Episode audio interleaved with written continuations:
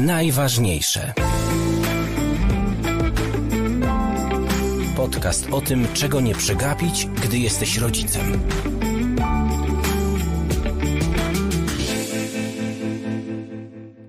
Dzisiaj o tym, czego nie przegapić, gdy jesteś rodzicem w kontekście edukacji, bo o kryzysie, w którym znajduje się szkolnictwo systemowe, napisano i powiedziano już bardzo, bardzo wiele. Natomiast nadal jest rozproszona wiedza o tym, co konkretnie można zrobić, żeby uwolnić się e, przynajmniej od niektórych toksyn będących częścią systemu.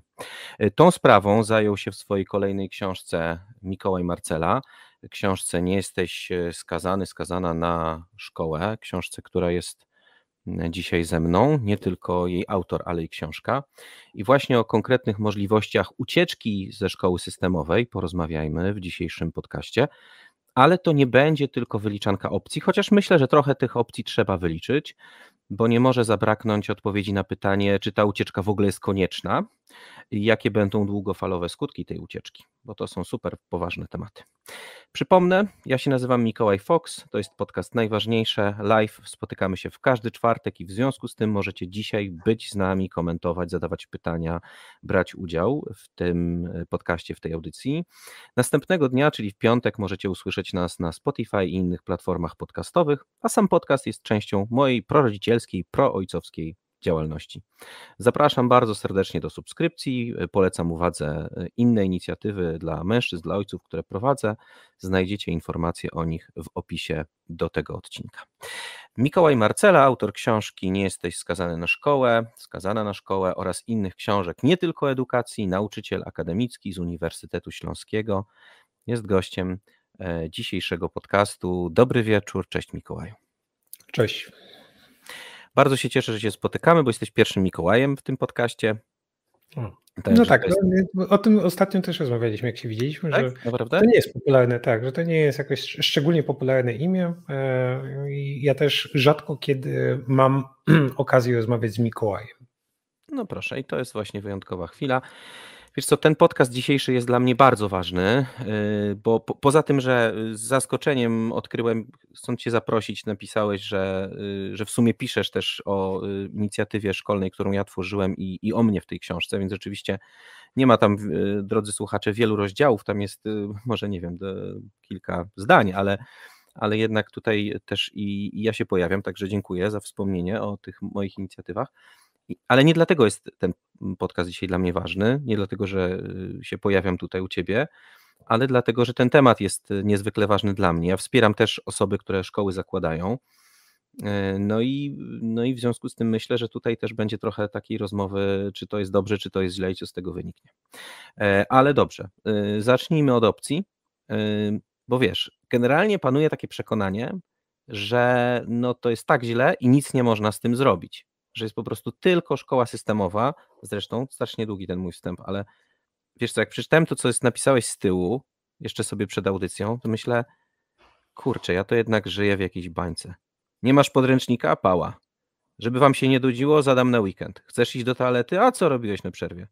Dzwonek jest na nauczyciela. Do odpowiedzi numer. Ja nie słyszałem takich tekstów od dawna i wydaje mi się, że żyję w świecie, gdzie nie ma takich tekstów. Wiem, że są uczniowie, którzy są w takim świecie i są przerażeni, że nie ma opcji, a ty pokazujesz w książce, że jest milion opcji. Tak, Głos to dla prawda. Ciebie. E, to prawda.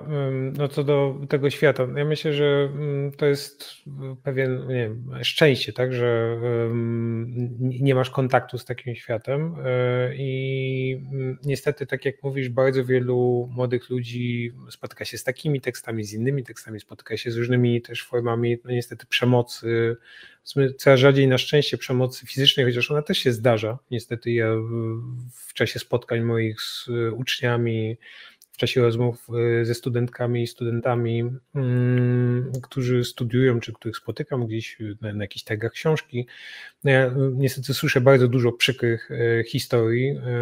Znacznie częściej to jest jakaś przemoc symboliczna, czy przemoc systemowa.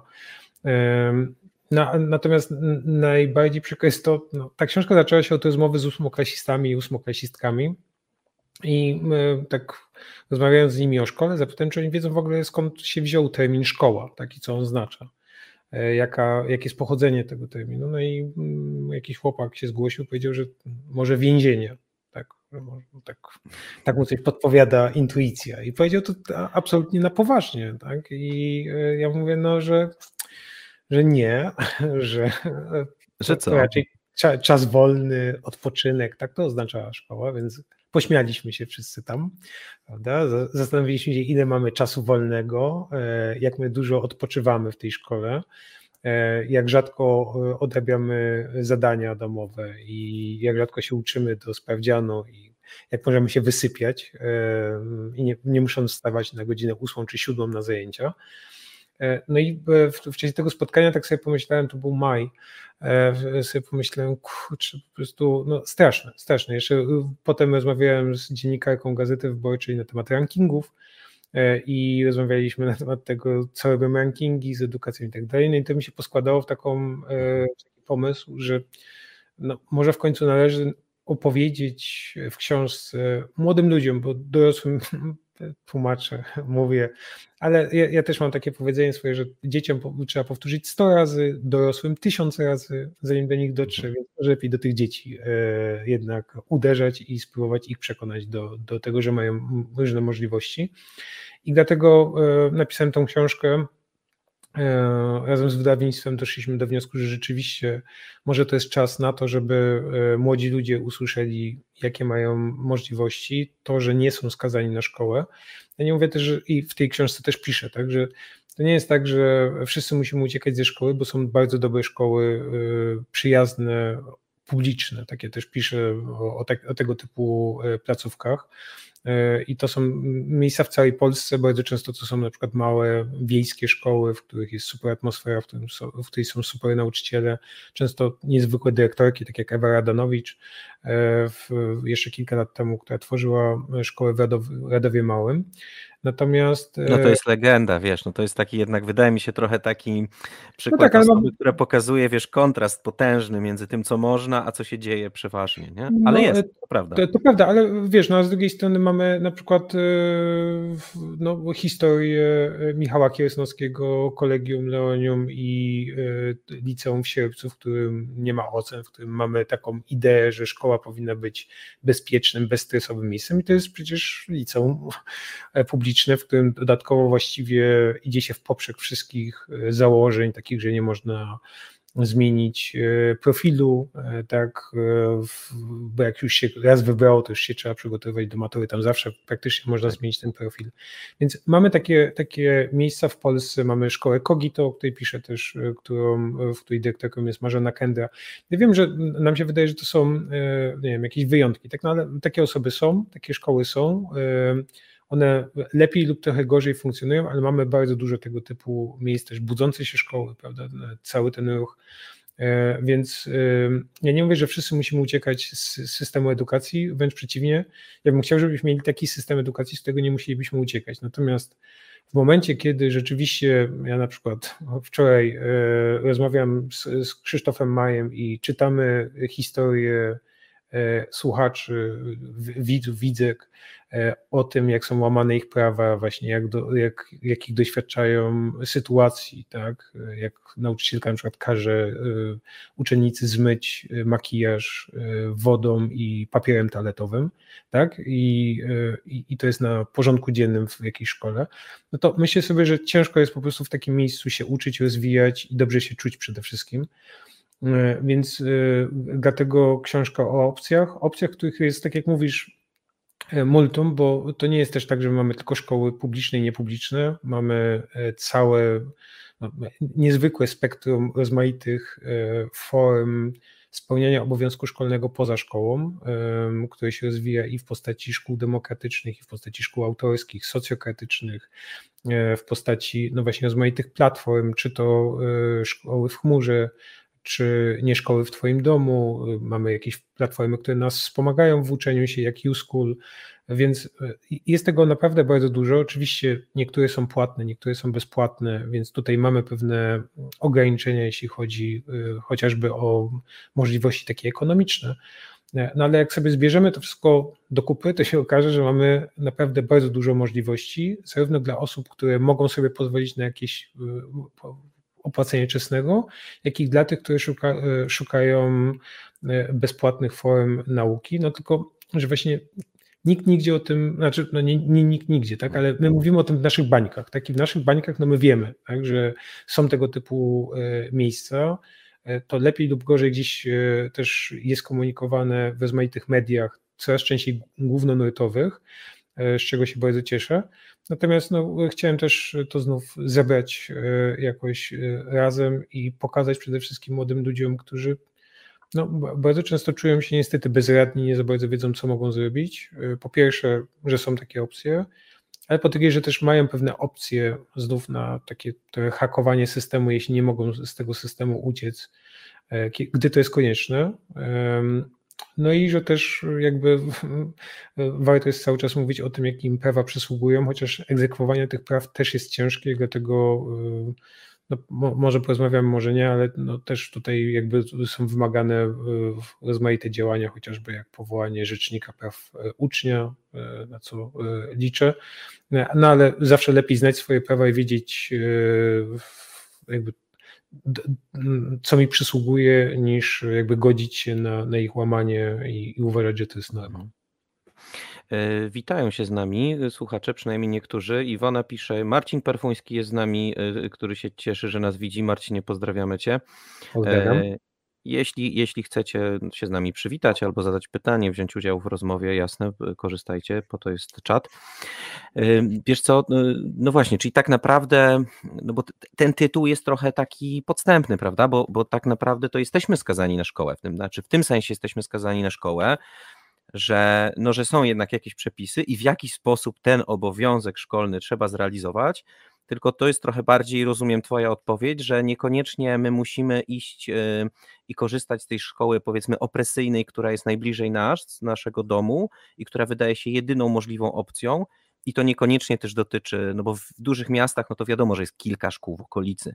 Jeśli mhm. mamy mniejszą miejscowość, mniejsze miasteczko, no to się wydaje, no to jest tylko ta jedna szkoła i po prostu jestem na nią skazany, a ty pokazujesz, że, są właśnie bardzo różne opcje, E, no właśnie, płatne, niepłatne i, i, i bardzo ciekawe. Mm, ale wiesz, ja myślę, to, że to jest no? też problem języka, wiesz, bo tak. E, kiedy zwracasz uwagę na to, że ja mówię o tym, że nie jesteśmy skazani na szkołę, to dla mnie to jest też problem tego, w jaki sposób, i, i to jest e, wiesz, coś, co mi to, towarzyszy od początku pisania o edukacji, że termin szkoła, który jest wspaniałym terminem, tak? I który, tak. i który no właśnie komunikuje teoretycznie wszystko to, czego my potrzebujemy w edukacji, czyli komunikuje ten relaks, spokój, e, podążanie za własnymi zainteresowaniami i taki proces uczenia się, jakiego byśmy chcieli, tak? Taki, takiego rozwoju, jakiego my potrzebujemy e, no, dzisiaj bardziej niż kiedykolwiek.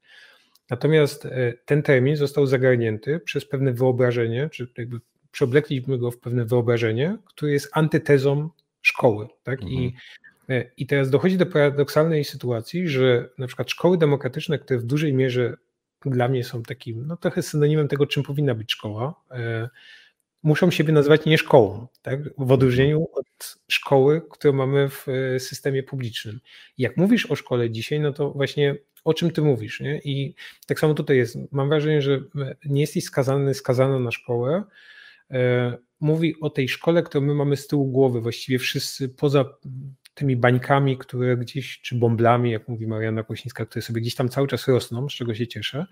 Ale jak mówisz jakiejś osobie czym jest szkoła, no to co ona e, ci odpowie, tak? Że to są ławki e, ustawione w rzędach, e, to jest tablica, nauczyciel, lekcji 45 minut, dzwonek, egzaminy, sprawdziany, kartkówki, Librus e, i, mhm. i, cały, i cały ten, wszystko to, prawda? Więc na taką szkołę nie jesteśmy skazani. Mamy właśnie rozmaite możliwości, i w ramach takich bardziej ustrukturyzowanych e, form, jak rozmaite właśnie szkoły, czy to Montessori, Waldorski i tak dalej, czy w takich bardziej swobodnych, jak na przykład właśnie korzystanie z platform, czy może szkoły jakieś autorskie, mniej sformalizowane, czy e, szkoły demokratyczne. Natomiast no tutaj e, myślę, że w najbliższych latach mamy bardzo dużą, bardzo duże zadanie, żeby przemyśleć terminologii, jakiej my używamy w edukacji. Tak? Znaczy, Co masz na myśli? No, no, czyli właśnie czym jest szkoła, tak? Znaczy, bo, okay. bo mam wrażenie, że jak ja na przykład chcę zakomunikować coś w tytule e, jakiejś mojej książki, to naprawdę muszę się bardzo mocno wysilić, żeby obejść to nasze naturalne wyobrażenie o tym, e, jak my sobie wyobrażamy edukację i miejsce, w którym się uczymy, e, które jest szkołą. Tak, tak jak trochę w książce Johna Holta, kiedy on przywołuje tą naszą małą, naszą małą szkołę tak, w Danii i dokument o tej duńskiej szkole, która w niczym nie przypomina szkołę, nazwany jest miejsce, które musimy nazwać szkołą, tak? E, no dlatego, że nie mamy innego terminu, pomimo, że ona zupełnie nie przypomina takiej klasycznej szkoły, bo tam wszyscy właśnie są wolni, robią to, co chcą, podążają za e, zainteresowaniem, mają tutorów, nie wiem, jest taka mhm. trochę, trochę jak szkoła demokratyczna, no ale e, musimy nazwać to miejsce szkołą, dlatego, że nie mamy żadnego innego terminu. No, my dzisiaj mamy powiedzmy jakąś nieszkołę, ale to jest też takie mm, zwodzące i nie do końca wiadomo, co się pod tym kryje. Wiesz co, ty powiedziałeś na początku o tym, że y, uczniom, młodym ludziom, dzieciom, młodzieży trzeba powtórzyć 100 razy, a dorosłym trzeba powtórzyć 1000 razy. Wiesz co, potem mówiłeś o Ewie Radanowicz i, i o y, dyrektorze y, z, z Sierpca, Michale Kiersnowskim i o innych osobach. I, i wiesz, tak naprawdę to, to tylko dla mnie świadczy o tym, że to wszystko jest w głowie, bo wiesz, jeżeli są ludzie, którzy mają jakieś podejście do edukacji, ba, mają jakieś podejście do drugiego człowieka. To te systemy, jakby te narzędzia opresji, y, one, one się będą tylko potęgować. Nieważne jak bardzo y, zrobimy przepisy, że ta szkoła ma być, nie wiem, demokratyczna, to i tak będziemy dodawać coraz więcej jakichś, wiesz, bramek, furtek, szlabanów, blokad, sprawdzianów i tak dalej, kontroli. E, a jeżeli w głowie jest inaczej poustawiane, no to, to, to siłą rzeczy te rzeczy po, po prostu odpadają. I to widać na przykładzie tych szkół, o których ty powiedziałeś, bo w ogóle to jest tak, że ten system, który my tak krytykujemy, no to przecież y, no, to widać dzięki twojej książce, że on wcale nie jest zły, bo gdyby nasz system był zły, a no, można popatrzeć też na inne kraje, nawet popytać znajomych, prawda? Bo mamy dzisiaj w, Polsce wiele osób ma rodzinę e, w różnych krajach ościennych, czy, czy nawet trochę dalej, no to tam nie ma takich opcji jak u nas. To są bardzo szerokie opcje, tylko że część z tego korzysta, część nie, bo część osób jednak uważa, że szkoła musi być szkoła i szkoła musi po prostu spuścić uczniowi łomot. E, tak, natomiast tutaj pamiętajmy, że no, tutaj oczywiście na to składa się bardzo wiele rzeczy, tak, jeśli chodzi o to nasze o to nasze wyobrażenie o, szkole, myślę, że tutaj jakby cała historia e, no, tak, nas, jako, nas jako społeczeństwa, tak, i tego, do, do czego jesteśmy przyzwyczajeni, w jaki sposób też budujemy relacje, E, no też ja często powtarzam, że jakiś brak rewolucji ludowej w Polsce też doprowadził do tego, że mamy takie, a nie inne wyobrażenie o relacjach międzyludzkich, zupełnie odmienne od na przykład krajów e, Europy Północnej, gdzie te rewolucje ludowe miały miejsce. E, I coś, coś tutaj jest na rzeczy, niestety. I myślę, że to się odbija niestety na, na, na, poziomie szkoły y, i przede wszystkim tej takiej hierarchizacji, budowania relacji opartej na władzy, y, w korzystaniu z różnych form przemocy i na takiej niestety tresurze. Tak? I myślę, że z tego powodu wbrew pozorom, mamy te furtki w naszym systemie, bo one działają jak wentyl bezpieczeństwa. Bo gdybyśmy nie mieli tego wentylu bezpieczeństwa w postaci, no właśnie, form spełniania obowiązku szkolnego poza szkołą, to myślę, że bylibyśmy w o wiele większym kryzysie e, zdrowia psychicznego e, i e, właśnie mm, pod kątem prób samobójczych, chociaż i tak to jest olbrzymi problem, ale dlatego, że my mamy tego typu furtki, dlatego, że są pewne furtki, jeśli chodzi o na przykład no, jednak cały czas autonomię dyrektorów, dyrektorek szkół i jest możliwość tworzenia takich, e, taki, takich miejsc, jak właściwie, jak właśnie wspomniane Radowo Małe, jak e, Kogito w Poznaniu, jak e, budzącej się szkoły, czy jak Kolegium Leonium, no to mamy takie miejsca, które są jakimiś takimi, mam wrażenie, wentylami bezpieczeństwa w ramach systemu i mamy te pozostałe miejsca, do których można uciec, kiedy jest naprawdę ciężko. I ja piszę w, w książce, że no naprawdę znam takie przypadki, bo sam pomagałem przepisać e, akurat e, do szkoły w chmurze osoby, które no, były na skraju naprawdę załamania. Taki to było. E, to, to nie była akurat jakaś przemoc rówieśnicza, tylko to była przemoc ze strony no właśnie grona pedagogicznego, tak, I, i przyznam szczerze, że to było kilka przypadków, gdzie ja gdzieś tam jakoś, dlatego że no, znam kilka osób w szkole w murze, to gdzieś tam się jakoś kontaktowałem, pomagałem w, w, w tym przepisywaniu, natomiast no ja wiem, że jest bardzo wiele takich sytuacji, jest bardzo wiele takich historii. E, wiem też, że bardzo wiele jest takich historii właśnie w szkołach autorskich, tak, do których przychodzą dzieciaki strasznie e, poharatane e, systemem, ale też życiem, tak może czasami jakimiś mhm. relacjami w domu. I, I chyba dlatego my tak bardzo potrzebujemy tych, tych alternatywnych form, dlatego one się tak mocno i, i, i, i szybko rozwijają w Polsce. I, te, i oczywiście, no, jakby system, znaczy są dwie rzeczy, tak, znaczy system a prawo. Znaczy prawo wbrew pozorom nie jest nie jest złe w Polsce, tak, znaczy na pewno problem... Mówisz o prawie oświatowym. O prawie oświatowym, tak. Mm -hmm, jeśli, tak, tak. Na pewno problemem edukacji w Polsce nie jest prawo oświatowe. Tak? Znaczy, mm -hmm. jeśli byśmy, e, jeśli przeczytamy to prawo, jeśli zobaczymy, jak ono jest skonstruowane, wiadomo, że e, pewne rzeczy one, ono ogranicza, tak, ale nie jest ono jest naprawdę elastyczne, daje bardzo duże e, pole możliwości w większości rzeczy, o której się spieramy. To raczej jest kwestia tego, że albo nie znamy tego prawa, albo dlatego, że e, no jakby umyślnie wybieramy najgorsze możliwe rozwiązania, które e, ono gwarantuje. Natomiast z drugiej strony jest coś takiego jak system, tak? ale system przede wszystkim opiera się nie na prawie, tylko raczej się opiera na przyzwyczajeniach, na pewnych na, na, na, tradycji. Tak znaczy system w dużej mierze wspiera się jednak na tradycji y, i dlatego prawo jedno, a tradycja drugie. Tak? Znaczy to, co mamy w głowie, prawda? Wizję szkoły, tak, to mamy w głowie, to jest ta tak, tradycja. Tak, mhm. ale, ta, ale ta tradycja też wynika z tego, że my jakby cały czas się uszkolniamy, prawda? Czyli cały mhm. czas jakby odtwarzamy ten system, dlatego że idziemy do szkoły, i wiesz, myślę, że wbrew pozorom najtrudniej jest się odszkolnić nauczycielom, tak? bo e, mhm. mam wrażenie, że oni przez całe życie funkcjonują w szkole. E, zaczynają w szkole, potem idą na studia, które dzisiaj w dużej mierze, no niestety stały się taką szkołą BIS, tak? gdzie mamy no, też duże grupy i też nimi zarządzamy trochę jakbyśmy uczyli w klasie w szkole średniej.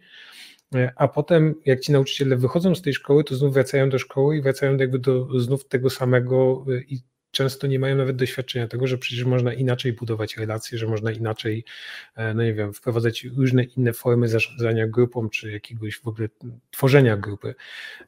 I jeśli taki nauczyciel z jednej strony na którymś etapie edukacji nie doświadczy, tak nie spotka jakiegoś nauczyciela, nie spotka jakiejś osoby, która pokazuje, że są te alternatywy, E, albo potem nie będzie miał jakiegoś doświadczenia w ramach jakiegoś stażu, czy właśnie spotkania na jakiejś konferencji, czy, czy usłyszenia, mhm. że można coś robić inaczej, no to on jakby cały czas będzie odtwarzał tą tradycję, e, te, te przyzwyczajenia, e, no i będziemy dalej trwać przez kolejne lata, dekady, czy wieki w tym samym mhm. modelu, chociaż od dawna wiemy, że on nie musi tak wyglądać.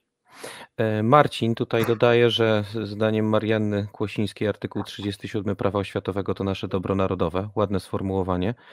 E, dobra, ale na chwilę odchodząc od prawa oświatowego i, e, i czyniąc tę naszą rozmowę jednak trochę przedsionkiem Twojej książki. Jasne, książki nie będziemy powtarzać, można ją sobie kupić, przeczytać i, i dobrze to zrobić i poszukać różnych alternatyw alternatywa może być jedna, więc alternatywy dla, dla systemu, dla takiej zwykłej systemowej szkoły, która jest jakoś trudna, opresyjna, ale chciałbym, żeby, żebyś tak króciutko y, narysował, możemy razem narysować w naszej wyobraźni, wiesz, takie, takie drzewo, nie, jest pień, i on się potem roz, rozdziela w, w, różne gałęzie, żeby jednak pokazać te y, różne możliwości. No bo zasadniczo to, co sobie wyobrażamy, to ja zacznę rysować ten pień, no to jest tak, że jest szkoła, która jest po prostu czymś zarejestrowanym, no i my w Polsce wiemy, że najczęściej taką szkołę prowadzi gmina, a czasem też mamy na przykład długą tradycję szkół katolickich, więc czasem też jakaś organizacja religijna, niekoniecznie y, na początku lat 90., na przełomie 80. i 80. i 90.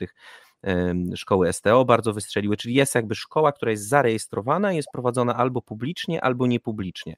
No i to jest początek tego pnia, a, a dalej rysuj ty. No, e, potem e, mamy no, Przede wszystkim wydaje mi się, że to, co jest, e, znaczy, bo też pamiętajmy, że w ramach tych szkół, które mamy zarejestrowane lub których mamy, które e, są publiczne czy e, niepubliczne, no też one mogą funkcjonować w różnych modelach, prawda? I to jest, myślę, bardzo istotne z perspektywy osób, które jakby funkcjonują w tym systemie, prawda? Że z jednej strony, no właśnie mamy możliwość tworzenia szkół, tak, Montessori, Waldorfskich y, i tak dalej, więc możemy jakby tutaj tworzyć z jednej strony te szkoły y, niepubliczne, z drugiej strony możemy tworzyć y, szkoły mm, publiczne, które z kolei na przykład czerpią z doświadczeń rozmaitych ruchów, e, takich jak e, chociażby budząca się szkoła, prawda? Ale też na przykład wykorzystują plan daltoński i wtedy ta, ta szkoła jednak trochę zaczyna inaczej funkcjonować, ponieważ opiera się na trochę innych filarach, trochę innych fundamentach. Przede wszystkim jeśli chodzi o te przyzwyczajenia, prawda? No bo jeśli chodzi o prawo oświatowe, no to funkcjonuje w prawie oświatowym. No i mamy też jeszcze, e, myślę, że rozwijające się bardzo mocno w ostatnich latach e, szkoły autorskie, e, które znów prezentują całe spektrum możliwości, jakie, jakie daje znów ten dość elastyczny, jak mówimy, system. Mm, i one się mogą bardzo, bardzo mocno różnić i one też mogą funkcjonować e, w, w, w, takich dwóch modelach, tak, czyli to może być szkoła, która jest z jednej strony niepubliczna, a z drugiej strony to może być też szkoła, w, w ramach której mogą się uczyć osoby, które spełniają obowiązek szkolny poza szkołą, no i potem to właśnie to jest chyba ten, ten moment, w którym rozrastamy, e, czy, czy jakby to, to drzewo się rozrasta, no bo mamy jeszcze możliwość nie powiemy, że wyjścia z systemu, bo, bo to nie jest. Bo to jest nadal w systemie, prawda? Bo to jest nadal w systemie. No, no, z systemu nie da się do końca wyjść, więc nie jest to taki, taki moment, jak. Znaczy, nie jest to taki. Yy, Tutaj nie ma tego momentu, w którym Neo wychodzi poza Matrix, budzi się w 2199 roku i, i ćwiczy, żeby wrócić do tego Matrixa. Ale, ale to już powiedziałeś, że to, to, prawo oświatowe nie jest złe, więc my nie jesteśmy jest, nie, po tej nie. stronie, które jest dobre, nie? No tak, tak, no ale oczywiście zawsze mogło być trochę lepsze, nie? Znaczy, no, ja, no na pewno to, to na pewno, więc jakby to, to, nie jest złe, ale mogło być lepsze i też o tym często rozmawiamy w tych naszych też bańkach. Natomiast no, potem mamy y, ten obowiązek spełnienia obowiązku szkolnego poza szkołą, co mam wrażenie, że niestety y, mocno szkodzi nam wszystkim, kiedy sprowadzamy to tylko i wyłącznie do mówienia o edukacji domowej, bo za edukacją domową jednak idą znów konkretne bardzo wyobrażenia. Tak jak za mhm. szkołą e, idą bardzo konkretne wyobrażenia, tak za tą edukacją domową idą e, bardzo konkretne wyobrażenia, które na przykład wracają co jakiś czas w wypowiedziach chociażby ostatniej na przykład wiceministry e, edukacji, że właśnie ta edukacja domowa to jest taka, że tam nie ma socjalizacji, że te dzieci siedzą zamknięte w domach i, i, i właściwie to powinny jednak do tej szkoły chodzić, bo, bo, bo wtedy nie będą miały okazji, żeby doświadczyć, jak w ogóle funkcjonuje społeczeństwo. Co, co mnie oczywiście bardzo bawi i też temu poświęciłem jeden z podrozdziałów, nie jesteś skazany, skazana na szkołę. No bo jak sobie pomyślimy, jak wygląda socjalizacja w takiej tradycyjnej szkole, no to potem ja też rozumiemy taką inną. To, to, też potem rozumiemy na przykład, dlaczego obrady Sejmu wyglądają tak, jak wyglądają. No, to, to, to, może, to, może, to może być jakiś, e, jakaś podpowiedź, albo dlaczego tak, tak wygląda nasz w ogóle bardzo często sposób komunikacji i, i, i życia społecznego. Więc y, no potem mamy tą mm, obowiązek spełniania obowiązku szkolnego poza szkołą i w ramach tego e, możemy tworzyć rozmaite, no znów tutaj e, ty pewnie będziesz znacznie bieg- bieglejszy niż ja w tym zakresie, jako też współtwórca e, jednego z takich miejsc, ale mamy tutaj no znów cały, cały wachlarz możliwości, co możemy robić w ramach spełniania obowiązku szkolnego poza szkołą, bo tutaj no, z jednej strony to mogą być miejsca takie, no, które byśmy nazwali szkołą, takie one rzeczywiście sobie mają pewne konkretne, no tak, zajmują budynki, tak, e, mają jakąś zaaranżowaną przestrzeń, no ale mamy też e, platformy, takie jak właśnie szkoła w chmurze, chociaż szkoła w chmurze też ma, też ma stacjonarną, ma, ma, też stacjonarną placówkę, placówki teraz, prawda? Zresztą ostatnio E, odbyła się wygrana e, batalia o, o placówkę w Katowicach, z czego się bardzo cieszę, bo to moje rodzinne miasto i bardzo mi było przykro, że tutaj w ogóle musiało dojść do, do, takiej, do takiej batalii. Natomiast, no i oprócz tego mamy właśnie mm, takie miejsca, o, o których piszę w, szkole, w, w tej książce, czyli rozmaite, mm, no właśnie inne szkoły, mm, miejsca edukacyjne, kooperatywy e, rodzicielskie, więc mamy cały wachlarz możliwości, który znów jakby tworzy tą, powiedziałbym, e, najwyższą koronę tego drzewa i tutaj mamy już bardzo, bardzo dużo rozmaitych E, opcji, e, głównie dlatego, że jakby, ponieważ spełniamy obowiązek szkolny poza szkołą, no to ma też twórcy tego typu miejsc, czy osoby, które organizują naukę w ramach tego mają no, niemalże pełną dowolność, no poza tym, że jakby koniec końców e, wszystkich uczniów obowiązują e, egzaminy e, klasyfikacyjne, no i jakby mm, i, i, i, i no jakby są ograniczeni tym prawem oświatowym, o którym rozmawialiśmy. Mhm. To myślę, że można tutaj też dodać, że bo, bo szkoła w chmurze mam wrażenie, że, że tak się trochę kojarzy, że nie wiadomo właściwie, czy to jest szkoła, czy to jest po prostu platforma. I co jest też ciekawe, bo może to nie wszyscy o tym, o tym wiedzą, bo o szkole w chmurze głośno z różnych powodów, ale, ale głośno, że tych platform jest więcej i, i często to jest tak, że są szkoły, które są szkołami zarejestrowanymi, ale są przyjazne edukacji domowej, więc tam jest po prostu sporo uczniów zapisanych i korzystają z różnych platform, niekoniecznie tej, z mhm. której, którą znamy ze szkoły w chmurze i że to są też ciekawe platformy, też w ogóle wspierające. E, tak. Ostatnio miałem taką rozmowę, która myślę, że też, też taka ciekawa rozmowa w kontekście uczniów, którzy no z jakiegoś powodu nie są w szkole, tak? I mhm. czy oni się formalnie uczą w domu, czy nie, no ale na przykład są, nie wiem, na zawodach sportowych albo długo są w szpitalu, no i tutaj z pomocą przychodzi taka platforma, gdzie jakby no, można mniej więcej zobaczyć jak, jakieś rzeczy, które powinno się umieć na jakimś tam etapie edukacji. No pytanie, czy to w ogóle to etapowanie i tak dalej, to czy to jest w mhm. ogóle taka wizja, jaką byśmy chcieli, nie? Ale coś tam da się zrobić. Ale ja też, ja też powiem to, co, o czym piszę w książce, że ja też wspominam inne platformy, na przykład YouSchool jest, jest tego mhm. typu platformą, która wspomaga i rzeczywiście dobrze, że o tym powiedziałeś, że no, możemy się zdecydować na rozmaite e, właśnie platformy czy rozmaite e, aplikacje, które gdzieś wspomagają uczniów w nauce. To, co jest ciekawe, bo, bo nie wiem, czy o tym wiesz, że bardzo podobnie się zaczynała historia właśnie szkoły w chmurze, że to miała być platforma, która miała być taką platformą wspomagającą szkoły w uczeniu, tylko że to było przed pandemią i nikt za bardzo tak. nie widział w tym jakiejkolwiek E, no, funkcjonalności, tak tylko to komplikowało mhm. życie, no bo przecież do tamtego momentu wszyscy sobie tylko wyobrażali, że można się uczyć e, stacjonarnie, jakie zajęcia w ogóle hybrydowe, jakie w ogóle zajęcia zdalne, jakieś, jak, takie coś to tylko w Australii, bo tam daleko wszędzie, no to tam to jest zrozumiałe, a u nas w Polsce to po co coś takiego.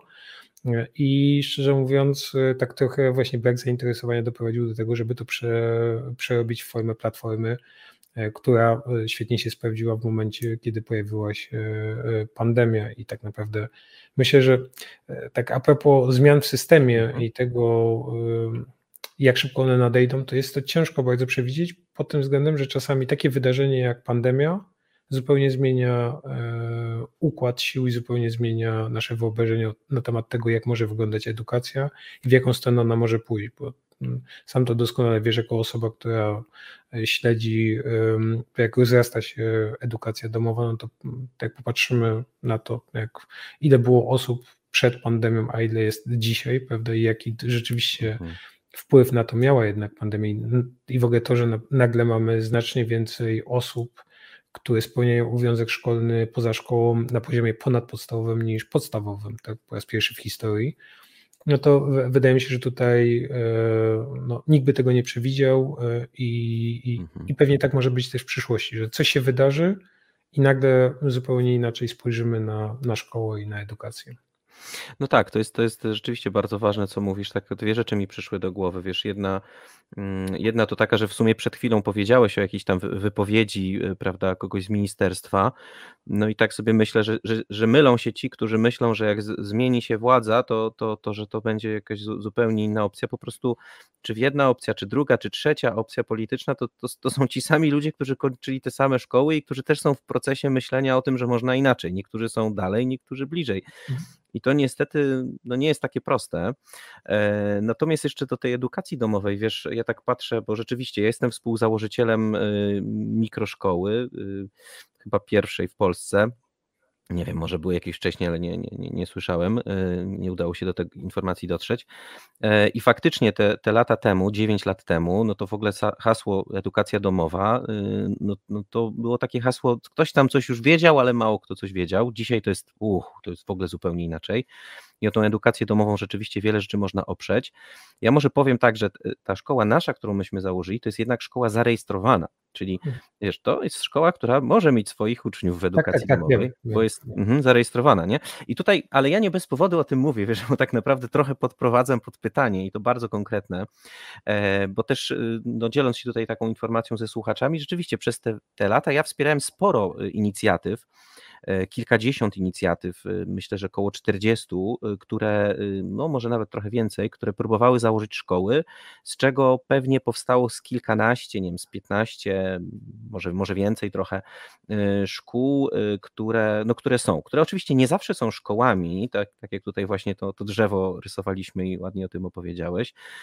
Czasem to są szkoły po prostu zarejestrowane, niepubliczne szkoły, nie wiem, to mogą być bardziej jakieś wyznaniowe, bardziej jakieś niewyznaniowe, bardziej demokratyczne, demokratyczne, bardziej jak no, różne, bardzo różne szkoły, mhm. E, ale, ale są też inicjatywy takie, które no de facto są po prostu grupami edukacji domowej, które właśnie działają jak szkoła. Ale wiesz, pod, zmierzam do tego pytania. Bo to rzeczywiście jest tak, że dzisiaj y, no, ucieczka ze szkoły, czy próba ucieczki, to, no to jest po prostu jak z Titanica. E, I y, wiesz, no, ciekawe rzeczy swego czasu y, pisał Misza Tomaszewski w, w kontakcie, nie wiem czy, czy, czy czytałeś, na temat tego, że on jest bardzo, no w, w dużym skrócie, Misza, przepraszam, że, że skracam to, co mówisz, jest bardzo zdystansowany do, do właśnie tego, co się dzieje w edukacji, bo oto umiera na naszych oczach szkoła, jaką znaliśmy, czyli szkoła, która jest bardzo demokratyczna, to znaczy tam są ludzie bardzo bogaci, bardzo biedni, bardzo z wykształconych rodzin, z bardzo niewykształconych rodzin i że to jest źle dla społeczeństwa. I wiesz, ja się nawet z tym zgadzam, tylko to jest oczywiście źle na poziomie wtedy, kiedy sobie o tym piszemy, ale jak już mamy dziecko w takiej szkole, albo sami jesteśmy w takiej szkole, to już nas trochę mało obchodzi, co będzie w przyszłości. Po prostu chcemy siebie ratować i trochę ty o tym mówiłeś, nie? że to się, wiesz, ocierają różne historie, tam już są naprawdę poważne o, o, o jakieś stany takie bardzo krytyczne. Natomiast y, ponieważ zgłaszają się do mnie ciągle osoby naprawdę z najróżniejszych stron Polski, naprawdę wschód, zachód, północ, południe, od Szczecina po Rzeszów, y, no to widzę, że, że wszędzie jest po prostu wielki atak na ucieczkę z edukacji. Jest wielka determinacja rodziców, żeby zakładać szkoły, ba, żeby płacić po prostu za edukację. Mhm. Może to nie jest źle, ale wiesz, rozwarstwienie, do jakiego idziemy, to jest niesamowite, bo są ci, którzy są w jakiś sposób bardziej wyposażeni, albo w pieniądze, albo w jakiś właśnie spryt, ale w takim sensie zaradności życiowej. I ci, mhm. którzy nie są. Mhm. E, I tak sobie myślę, że to, co się w tej chwili dzieje, to z jednej strony jest piękne, bo ludzie biorą w swoje ręce tą edukację i naprawdę są w stanie stanąć na głowie, żeby ratować e, swoje dzieci, jak, nie tylko swoje, ale w ogóle jak, jakoś, jak, jakiejś społeczności. Ale z drugiej strony ja się obawiam, co to będzie. Może nie powinienem się tym przejmować. To jest trochę tutaj liczę na to, że ty, ty powiesz, jak to widzisz. Wiesz, co się dzieje ze szkołami publicznymi. Ja nie mówię o tych świetnych, wiesz, w Radowie Małym, czy, czy w, w Kolegium Leonium, czy jeszcze inne, e, ale mówię o takich szkołach, no, no skąd po prostu chce się uciekać. Mhm. No i kto tam zostanie? Mówię mniej o nauczycielach, bo mniej się teraz o nich martwię, ale o uczniach. E, I mam wrażenie, że teraz po prostu następuje jakiś przepotężny proces e, i nie chcę tu nikogo namawiać, żeby nie ratował swojego dziecka i nie uciekał. Mhm. No ale ciekaw jestem, jak ty to widzisz, bo jednak ty masz bardzo szeroki ogląd dotyczący edukacji. E, sporo książek napisałeś, a za tymi książkami jest sporo wiedzy, więc jestem ciekaw twojego podejścia do tej sprawy. Znaczy, wiesz co, mm, no to jest niezwykle skomplikowana sprawa i, i, i tutaj nachodzi bardzo dużo procesów takich, no, bym powiedział, przede wszystkim historycznych, ale też tego, no, w, jak, w jaki sposób przeobraża się właściwie cały nasz świat. I no, myślę, że my bardzo dużo czasu poświęcamy mm, technologii rzeczy, tak, to bo Bauer miał takie, takie rozgraniczenie na technologię rzeczy i technologię idei. I dla nas dość czymś naturalnym jest, że rozwija się ta technologia czy technika, tak? technologia rzeczy, czyli że mamy coraz nowsze telefony, że jeździmy coraz nowszymi samochodami i tak dalej i że one, no, czy to jest dobrze, czy źle, to nie, ale nie wiem, ale generalnie zakładamy, że mamy taki rozwój właśnie techniki. Z drugiej strony mamy instytucje, e, które zostały powołane do życia w pewnym momencie naszej historii w odpowiedzi na bardzo konkretne procesy. Przede wszystkim na e, industrializację. No, szkoła jest dzieckiem rewolucji przemysłowej przede wszystkim i właściwie wszystkie dzisiaj znane nam instytucje w dużej mierze są mniej lub bardziej powiązane z rewolucją przemysłową i z tym, co się wtedy działo, jak się zmieniało społeczeństwo, jakie były wymogi, e, też czego brakowało, czego nie.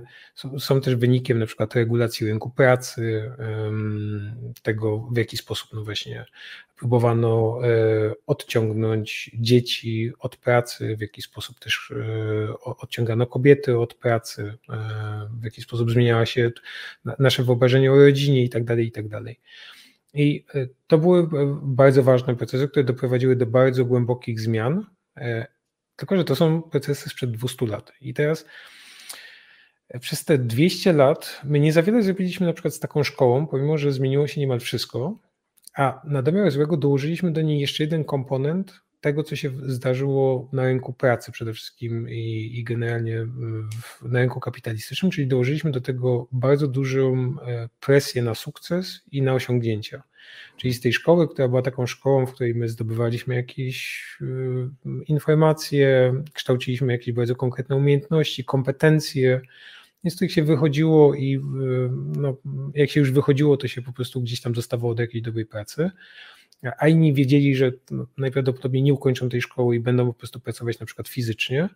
Dzisiaj zrobiliśmy y, taką oto sprawę, że mamy szkołę, w której każdy słyszy, że właściwie każdy jest równy, każdy może odnieść sukces, e, jeśli tylko będzie bardzo chciał, jeśli tylko będzie się uczył, jeśli tylko się zmotywujesz do pracy, no to właściwie sky is the limit, prawda? No właściwie mhm. wszystko możesz zrobić. No tylko musisz odrabiać te zadania, musisz się uczyć dużo do sprawdzianu, a to, że na przykład pochodzisz właśnie z rodziny, w której twoi rodzice pracują na dwa, na dwa etaty, żeby powiązać e, koniec z końcem i żeby no właśnie zapewnić jedzenie i, i tak dalej, i nie mają dla ciebie czasu, nie, ma, nie mogą ci pomóc, nie mogą e, z tobą odebić zadań, coś ci wytłumaczyć, i ty jednocześnie w tej samej szkole jesteś, w której jest dziecko, w którym, które nie tylko ma rodziców, które ma, którzy mają czas, ale dodatkowo mają taki kapitał, który pozwala na e, w razie czego na korepetycje, na jakiś wyjazd zagraniczny, w ramach którego szybko opanowujesz język. E, mają, nie wiem, w latach 90. mieli wiem, e, telewizję satelitarną i mogłeś sobie oglądać programy po angielsku i oswajać się z językiem. No to to już nikogo nie interesuje, prawda? No, jak nie uczysz się, to znaczy, że jesteś leniem, e, że e, twoim przeznaczeniem jest kopanie rowów, tak? jeśli nie masz odpowiednich ocen. A jak się uczysz, no to wiadomo, e, czy masz dobre oceny, bo to niekoniecznie, że się uczysz, tak, ale masz dobre oceny i jesteś ulubieńcem w danej klasie, no to wiadomo, że stoi przed tobą otworem to właściwie światowa kariera. No i Myślę, że teraz stało się jeszcze gorzej, bo mamy taki system od y, kilku, no 20 już ponad lat, w ramach którego właściwie całość, y, cały sens edukacji sprowadziliśmy do wyników egzaminów centralnych. Tak? I y, to, co jeszcze w latach 90., kiedy ja chodziłem do szkoły, mam wrażenie, że też te, wiele tych inicjatyw, które dzisiaj są, są po prostu pokłosiem tego otwarcia, które było w latach 90., prawda, jakiegoś takiego oddechu, i ta szkoła jednak w latach 90. była taką szkołą, powiedział, taką zieloną szkołą. Nie? Tam mhm. niby się chodziło do tej szkoły, zresztą dzisiaj rozmawiałem z moją koleżanką z liceum, z, z, z, która, z którą wspominaliśmy, jak to wyglądało. I ona mi przypomniała, jak ja się kłóciłem. E, mówiłem moim nauczycielom, że ja nie będę odebrał zadań domowych, bo mi szkoda czasu, ja mam swoje życie e, i jak chcą, to mogą mi dać jedynkę, ale ja, ja nie będę tego robił. Mhm. I się śmiała i mi przypomniała, bo ja w ogóle już tego nie pamiętam, i się śmiała i mówiła, że na początku próbowali ze mną walczyć, a potem odpuścili, bo wiedzieli, że i tak mnie nie przekonają, a że ja i tak z nimi rozmawiałem o rzeczach, które wykraczały poza podręcznik, to mi odpuszczali. E, i mam wrażenie, że i tak trochę o tym rozmawialiśmy, stwierdziliśmy, że dzisiaj by to było pewnie nie do pomyślenia, że dzisiaj byłoby jednak to naprawdę coś, co by się jakoś skończyło, nie wiem, jakąś wielką draką, a tam właściwie wszyscy to przyjmowali z jakimś przymrużeniem oka, bo był trochę inny klimat, tak. E, no ten klimat się innego. zmienił, myślę, zdecydowanie. Tak, no, teraz, mamy, teraz mamy trochę inny klimat. Nie? Mhm. E, I, e, i, I myślę, że tutaj w, w, odpowiadając na to pytanie tak trochę dookoła, prawda, ale wydaje mi się, że w, w tym tkwi problem, że jakby gdybyśmy mieli szkołę, w której właśnie spotykają się ludzie tak z różnych z, z, różnych sfer, z różnych poziomów, tak, z różnych klas. I e, gdyby oni mogli ze sobą współpracować, tak żeby oni mogli rzeczywiście, żeby oni nie musieli ze sobą rywalizować, tylko żebyśmy stworzyli takie miejsce, w którym oni mogliby się od siebie uczyć nawzajem, w którym mogliby rzeczywiście ze sobą rozmawiać, w którym mielibyśmy wszystko to, co mamy w tych rozmaitych alternatywach wypracowane, prawda? Gdybyśmy mieli, nie wiem, taką prostą e, prosty, proste narzędzie jak krąg, tak, w którym możemy sobie usiąść i pogadać. No to nie ma nigdy czasu w szkole, a zresztą jak ktoś chce przestawić nawet stoły, to wszyscy mówią, że po co, że to bez sensu, nie? po co oni mają patrzeć na siebie na tych lekcjach. Patrzą na plecy tak jak zawsze i jest dobrze. No to też nie, ma, nie mam e, się co dziwić, że ludzie, którzy doświadczyli innych form edukacji, nie wiem, czytają, interesują się, no, chcą jakby zrozumieć, w jaki sposób rozwija się człowiek, e, no, są na bieżąco z e, wiedzą, tak, w przeciwieństwie do szkoły i to jest myślę największy dramat, tak, że szkoła, wczoraj sobie użyłem takiego sformułowania, że no, szkoła dzisiaj się opiera na takich założeniach, jakby się opierała na mitach greckich, nie? jak tak sobie pomyślimy na to, jaki, jaki jest stan wiedzy z zakresu psychologii, pedagogiki, socjologii i tak dalej, względem tego, jak wygląda nauka w szkole, no to równie dobrze moglibyśmy ją oprzeć na mitach greckich. No to jest mniej więcej e, taki, e, taki poziom, poziom wiedzy. E, I ja się nie dziwię, że osoby, które gdzieś interesują się właśnie psychologią, pedagogiką, które, które wiedzą coś z zakresu neuronauki i tak dalej, no chcą szukać alternatywy, chcą zakładać y, coś dla, dla dzieci, nie chcą, żeby te dzieciaki może powtarzały jakieś błędy, czy, czy jakby doświadczały tych traum, które doświadczyli ich rodzice. I bardzo często to jest taka droga chyba, tak, że rodzice, którzy doświadczyli jakichś mocniejszych traum, czy, czy, czy, czy jakby wiedzą, y, jak może być groźny ten system, no to jeśli widzą, że można coś robić, to robią to. E, I oczywiście konsekwencje tego mogą być rozmaite i ciężko jest je przewidzieć. E, natomiast ja też e, na ten moment, z powodu, mhm. z tych powodów, o których też wymieni, o których wspomniałeś, tak, że no my mamy jednak osoby, które no, nie zmienią z dnia na dzień e, swojego, e, swoich przekonań. To są bardzo często osoby, które z jednej strony decydują o kształcie edukacji, z drugiej strony te osoby, które na, na poziomie centralnym, na poziomie nie wiem, samorządowym i, i bardzo często też osoby, które zarządzają poszczególnymi szkołami no to ja też nie widzę innej e, sytuacji w tym momencie niż budowanie oddolne, tak, jakiejś mhm. alternatywy edukacyjnej. No i też jednocześnie takiego miejsca, w którym mogą się schronić osoby, mm, które wychodzą z tego systemu. Natomiast na miejscu, gdybym ja oczywiście mógł coś doradzić, to byłoby wspaniale, gdyby na przykład e, w w, w, władze centralne i osoby, które decydują o kształcie edukacji, żeby one zaczęły wspierać tego typu, e, te, tego typu mm, te oddolne inicjatywy. E, oddolne inicjatywy, tak żeby tam na przykład mogły rzeczywiście też trafiać osoby, które na mhm. przykład nie mają e, odpowiednich zasobów ekonomicznych, tak?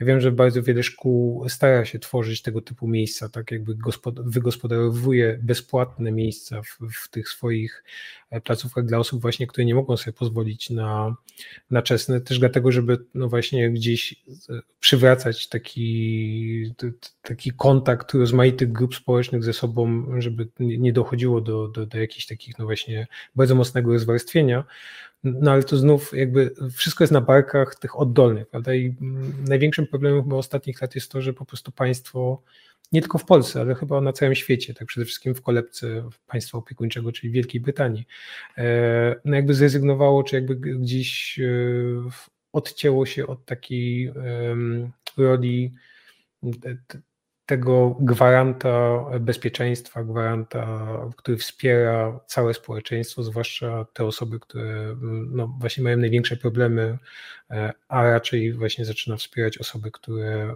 no, i tak, którym i tak dość dobrze się powodzi. I to myślę jest główny problem dzisiaj. Wiesz co, jedno spostrzeżenie, a jedno pytanie. To pytanie będzie do ciebie, bo y, też dlatego, że jesteś nauczycielem, przynajmniej formalnie, nie, nie tylko akademickim. Ale najpierw spostrzeżenie, to w kontekście też y, tego, że, że te mm, prywatne inicjatywy są y, płatne, ale też, że często są po prostu bardzo drogie. Mm, tutaj trzeba wiedzieć o pewnej nierówności, bo oczywiście, że jest ta dotacja, mhm. prawda, która jest na, na każdego ucznia, ta subwencja oświatowa, no ale jednak umówmy się, gmina y, daje budynki swoim szkołom i bardzo często w gro te, te, tego kosztu szkół niepublicznych, który jest jakby zaszyty wczesne, wczesnym, mm, to jest, y, no to jest to, że ktoś musi, musiał wziąć jakiś kredyt potężny albo, albo musi wynajmować jakiś, jak, za, za wielkie pieniądze budynek. No i właśnie dlatego ta edukacja ta właśnie prywatna jest też, też droższa, więc pewnie ten pomysł o takiej współpracy, to myślę, że jest świetny. Fajnie, żeby samorządy się zamiast próbować śledzić właśnie, czy ktoś dobrze wydał tą mhm. subwencję i tu złapać go na 5 zł albo 15, to żeby zaczęli się cieszyć i chwalić, że mają takie alternatywy.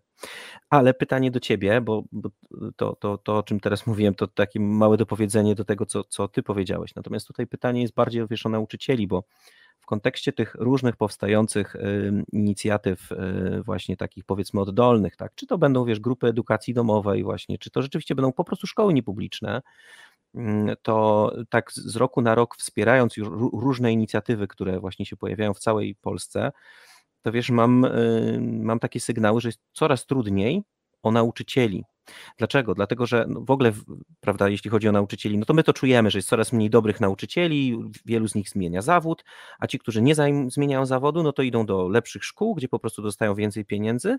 Względnie nawet już jak w tych publicznych szkołach dostają więcej pieniędzy, to tam się jakby okopują i mówią, ale ja już nie chcę, nie? Jakby ja po prostu chcę mhm. się czuć bezpiecznym i ja to zresztą też rozumiem, to poczu potrzebę poczucia bezpieczeństwa, jakby nie ma nowych nauczycieli, zresztą kształcenie nowych nauczycieli też y, się nieco wydłużyło, przynajmniej tych wczesnoszkolnych, znaczy nieco, tak bardzo.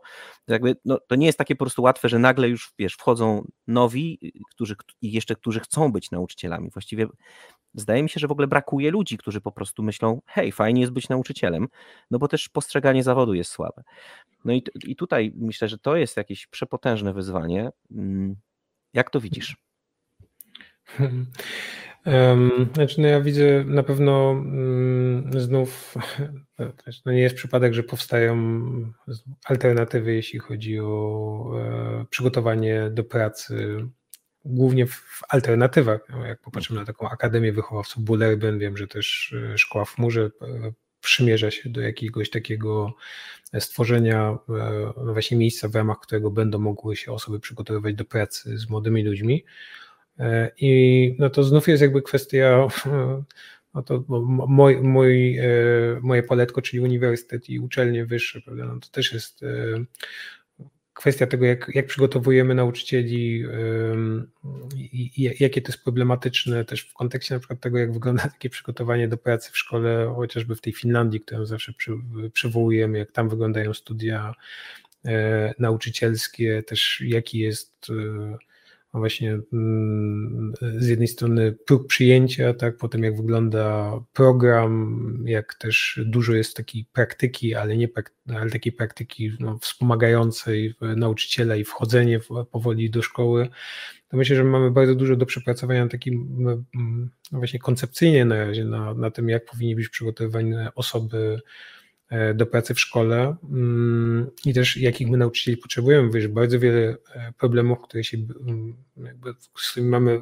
do czynienia w szkole, wynika z tego, że mamy tak zwanych przedmiotowców, tak, czyli osoby, które są oczywiście specjalistami e, w danej dziedzinie, ale na przykład mają no, jednak bardzo ograniczone przygotowanie na przykład w zakresie nie wiem, wiedzy psychologicznej, tak, pedagogicznej, e, bo oni mają zrobione no, tylko pewne krótkie kursy, które no, krótkie w porównaniu na przykład do e, takich nauczycieli właśnie wczesnoszkolnych, tak, którzy najczęściej są najlepiej przygotowani do, do pracy w szkole i też bardzo często robią najbardziej takie ciekawe, nowatorskie rzeczy i to od wielu lat.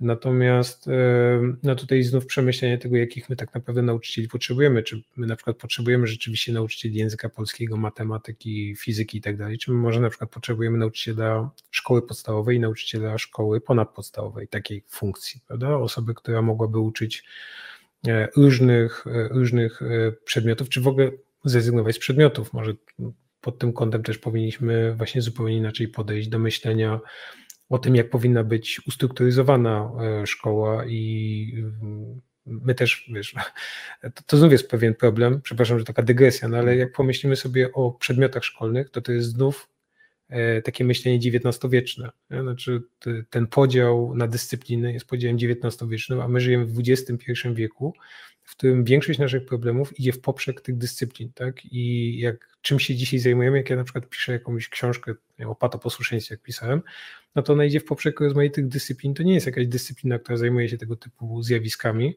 e, no dlatego, że ten problem no właśnie łączy bardzo wiele kwestii, wiem, problem terroryzmu, problem no na przykład pandemii i tak dalej, no to są rzeczy, na które składa się bardzo wiele zjawisk, a my uczymy dzisiaj w szkole cały czas tak, jakbyśmy żyli w tym XIX wieku, w którym mamy oddzielne, rozmaite dyscypliny, oddzielne zjawiska i tak jakbyśmy cały czas jeszcze żyli w tamtym świecie.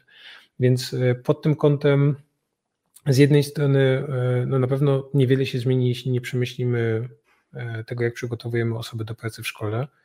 Też bardzo, ja znam też takie sytuacje, kiedy po prostu osoby rezygnowały, dlatego że wiesz, jest zupełnie inna, mam wrażenie, już wrażliwość młodego pokolenia i kiedy młodzi ludzie dzisiaj idą na e, studia, na przykład pedagogiczne, i bardzo często stykają się z osobami, które tam uczą, które czasami mają e, bardzo takie zbliżone podejście do nauczycieli e, szko szkolnych, których najmniej, najmniej miło wspominamy ze szkoły, mhm. no to oni się po prostu wypisują. Ja miałem kilka takich osób u nas na, na kierunku, które po prostu zrezygnowały po dwóch tygodniach, trzech tygodniach E, czy czasami po kilku miesiącach e, studiowania na pedagogice, bo stwierdziły, że no to jest smutne, ale że nie chcą być tacy jak ich wykładowcy w przyszłości, dlatego wolą wybrać jakiś inny kierunek.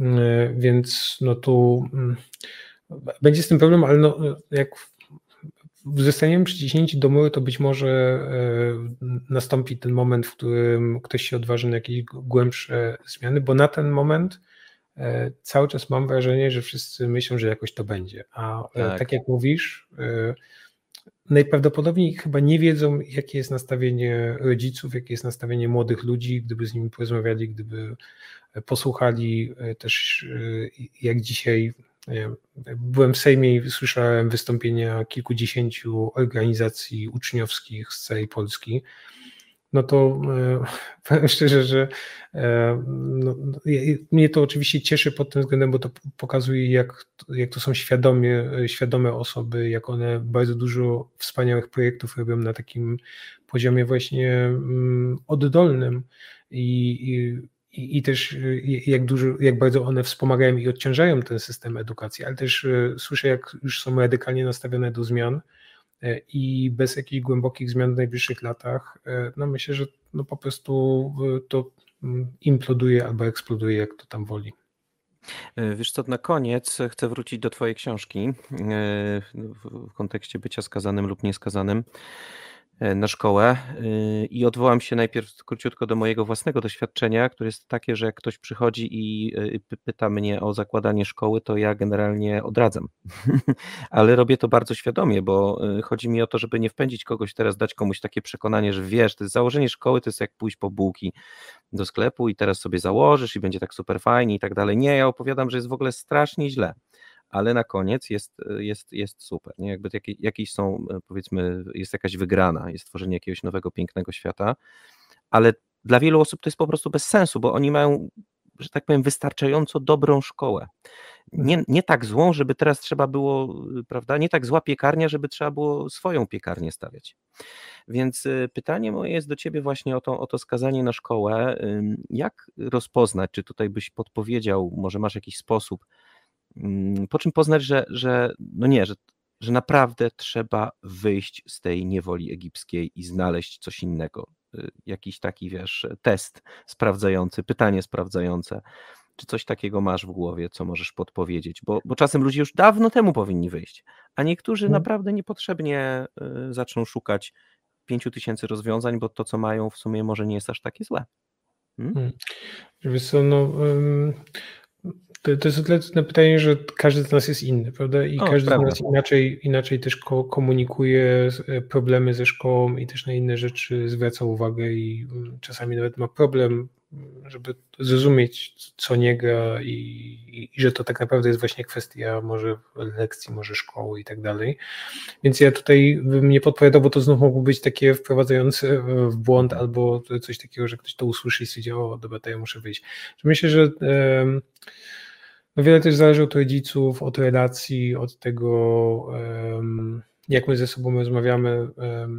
Myślę, że jeśli ktoś ma e, taką relację otwartą ze swoim dzieckiem e, i jakby to dziecko wie, że może zakomunikować, kiedy będzie coś niedobrego się działo, no to my też zrozumiemy, że jest taki moment, w którym może by trzeba było porozmawiać, pomyśleć o, o zmianie szkoły. Tak? No, ostatnio rozmawiałem z moją e, koleżanką e, i ona powiedziała mi, że no jej syn chodził do szkoły, w której w klasach 1-3 były wystawiane notorycznie oceny, były sprawdziane robione z języka angielskiego i po prostu w pewnym momencie powiedział jej, że szkoła mu się kojarzy ze stresem, tak? z tym, że się boi do niej chodzić, bo jest zestresowany.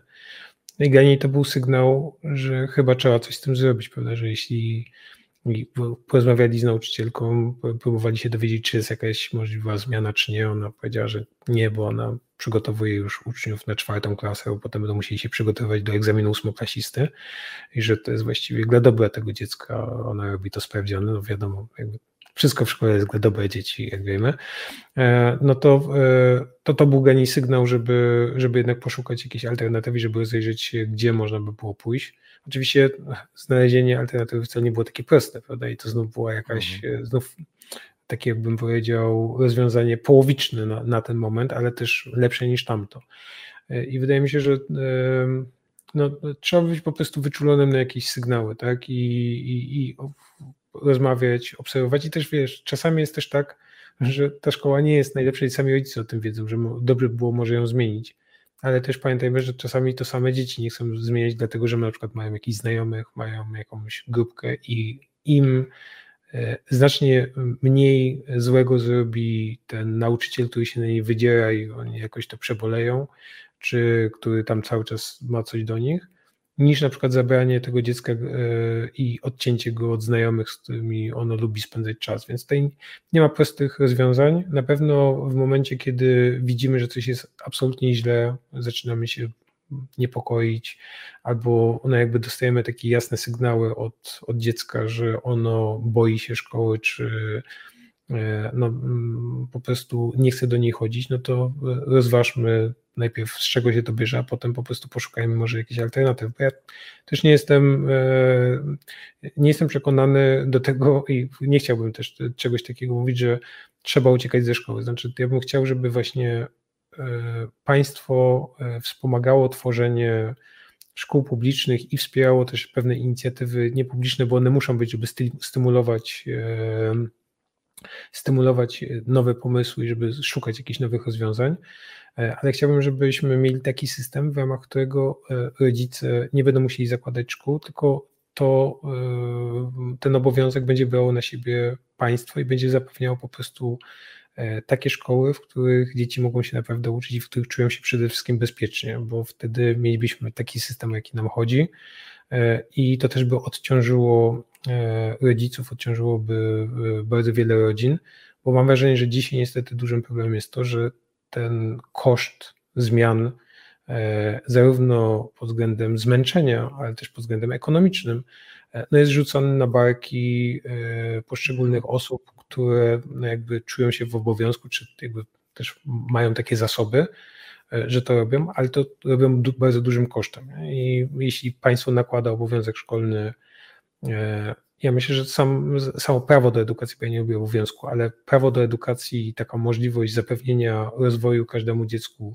jest czymś wspaniałym, ale jeśli państwo chce jakby tego wymagać, no to też niech e, się wywiązuje ze swojej roli i niech tworzy szkoły, które są chociażby na bieżąco e, ze stanem naszej wiedzy i z tym, jak e, uczy się młody człowiek, jak się rozwija. I oby tak się stało. Bardzo Ci, Mikołaju, dziękuję za rozmowę. Mikołaj Marcela, autor książki Nie jesteś skazany na szkołę, skazany, skazana oraz innych książek o edukacji, ale nie tylko. Nauczyciel akademicki z Uniwersytetu Śląskiego. Bardzo dziękuję Ci za spotkanie. Dzięki. E, ja też bardzo dziękuję Wam za wspólnie spędzony czas e, i co? Oczywiście zapraszam za tydzień. E, za tydzień będziemy rozmawiać o tym, bardziej w takiej sferze zawodowej może, ale o tym, jak być i lubianym, i skutecznym. To się da zrobić, e, bo myślę, że w właśnie naszej takiej codziennej efektywności i relacje, i pewna skuteczność to jest coś, co dobrze byłoby ze sobą godzić. Krzysztof Skubis nam o tym opowie. A tymczasem, słuchajcie, zapraszam do tego, żebyście polecali ten podcast, szczególnie jeśli Wam się podobał. E, no i żebyście y, może skomentowali, może posłali komuś link. E, no i oczywiście zapraszam też do tego, żeby zajrzeć sobie w linki, które znajdują się w opisie do tego odcinka. Zapraszam też do moich inicjatyw dla rodziców, dla ojców. E, no i tak, zapraszam wreszcie na spotkanie za tydzień. Ja się nazywam Mikołaj Fox. E, nie, nie pozostaje mi nic innego niż powiedzieć do usłyszenia.